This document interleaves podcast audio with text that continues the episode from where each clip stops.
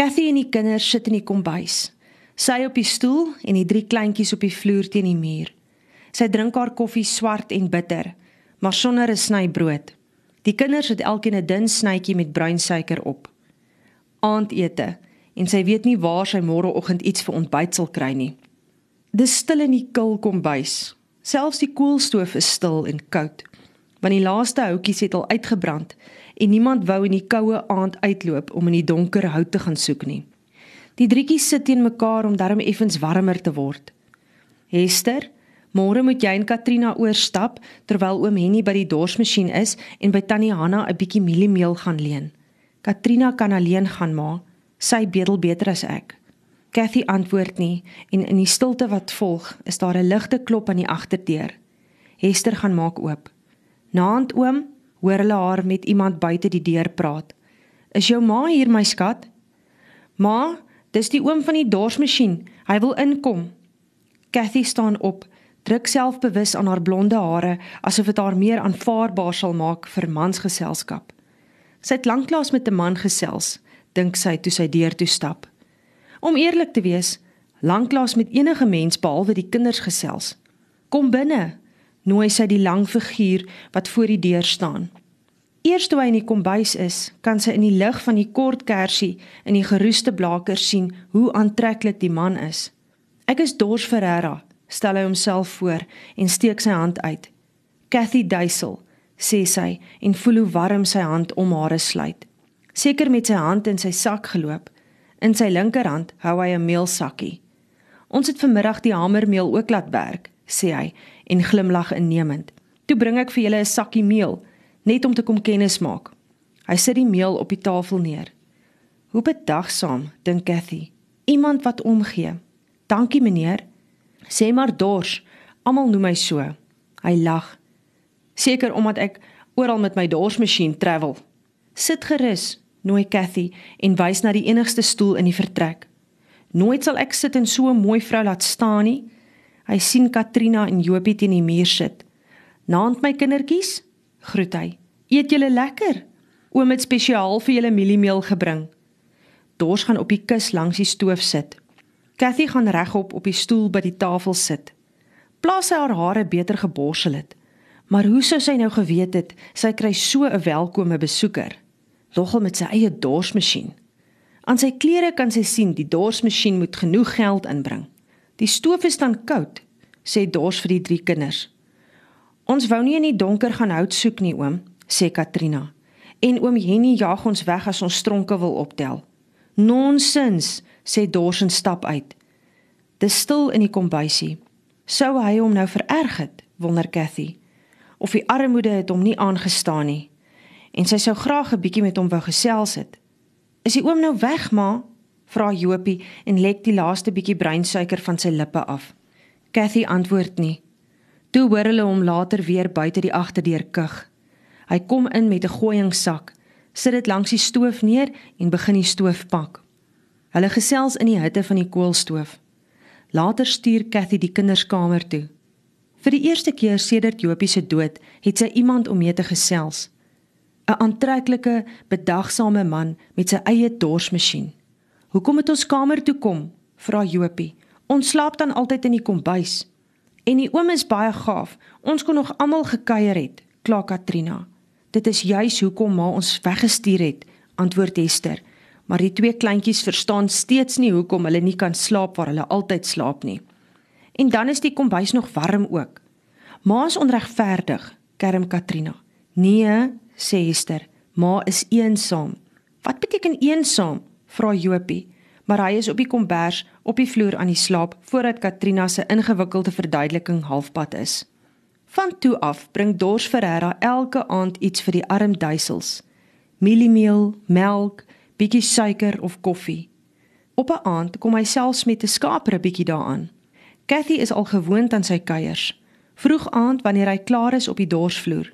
Nee, moet sy aan haarself erken, nie net gewoond daaraan nie, Sy sien uit daarna en sorg dat sy netjies lyk. Vanaand wag hulle weer in die kombuisie. Die stoof knetter en die kombuis ruik na vars koffie. Dors klop lankal nie meer nie. Hy kom in, maak die deur agter hom toe, soen Cathy op haar voorkop en groet die kinders een vir een op hulle name. Gaan sit op die stoel by die tafel en lees vir hulle uit die Bybel. Ek het nog nooit iemand gehoor wat so mooi kan bid soos oom Dors nie, het Katrina juis gister vir Hester gesê. Dis omdat hy 'n leuke prediker is, het Hester gemeen. Wat is 'n prediker? het Jopie gevra. Iemand wat preek sonder dat hy geleer het, het Katrina geantwoord. Dan is maak een, het Jopie gesê en hom bloedig vererg toe sy susters lag. Ek het vir julle lekker vars wors gebring, groet hy vanaand toe hy inkom. Hulle het vandag geslag en vir my darm ook wors gegee. Toe bring ek dit vir julle.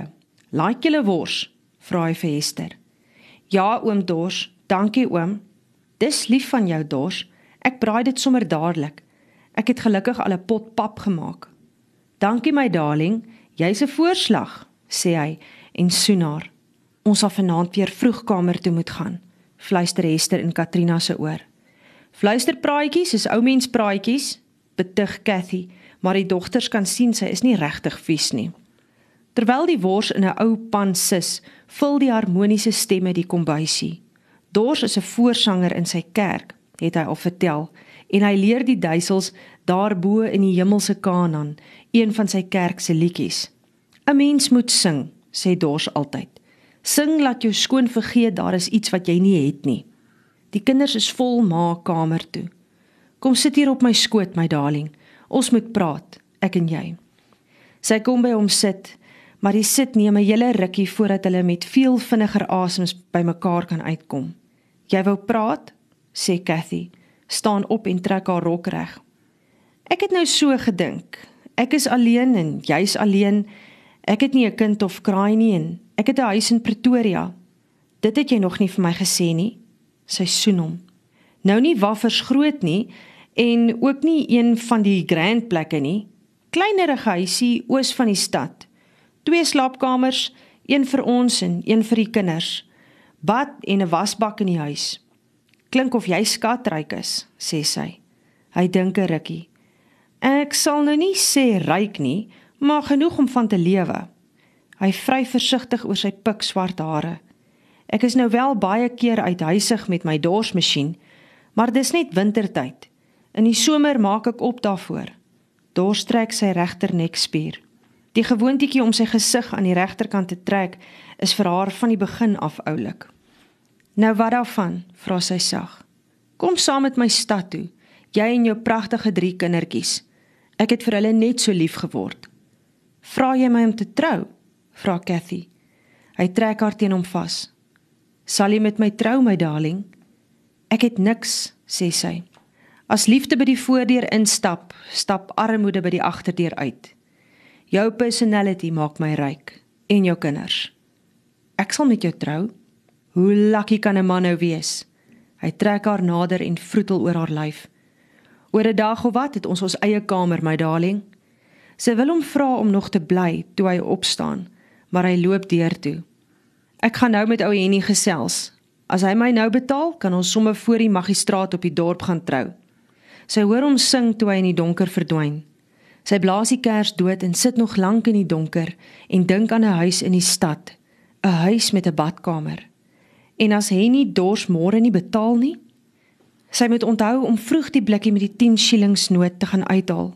Sy ken mos vir Henny duisel en dors het al gesê sy kontant is vas in die bank. Oom Gert se geldjie sal haar en haar kinders na 'n nuwe toekoms in die stad kan vat.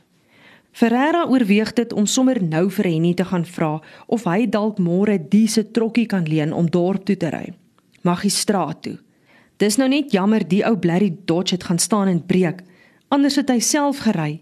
Maar die flentergat trokkie is nou heeltemal oor die muur. Berings geslaan, lyk dit vir Dors. Toe hy nader aan die opstal kom, is dit stil op die werf en die luster loop nie meer nie. Die ligte is af. Hy sal maar môre vroeg met ou Henny praat. Dit is hoekom Dors die volgende dag al voordag op die dorsvloer is, selfs nog voor Henny.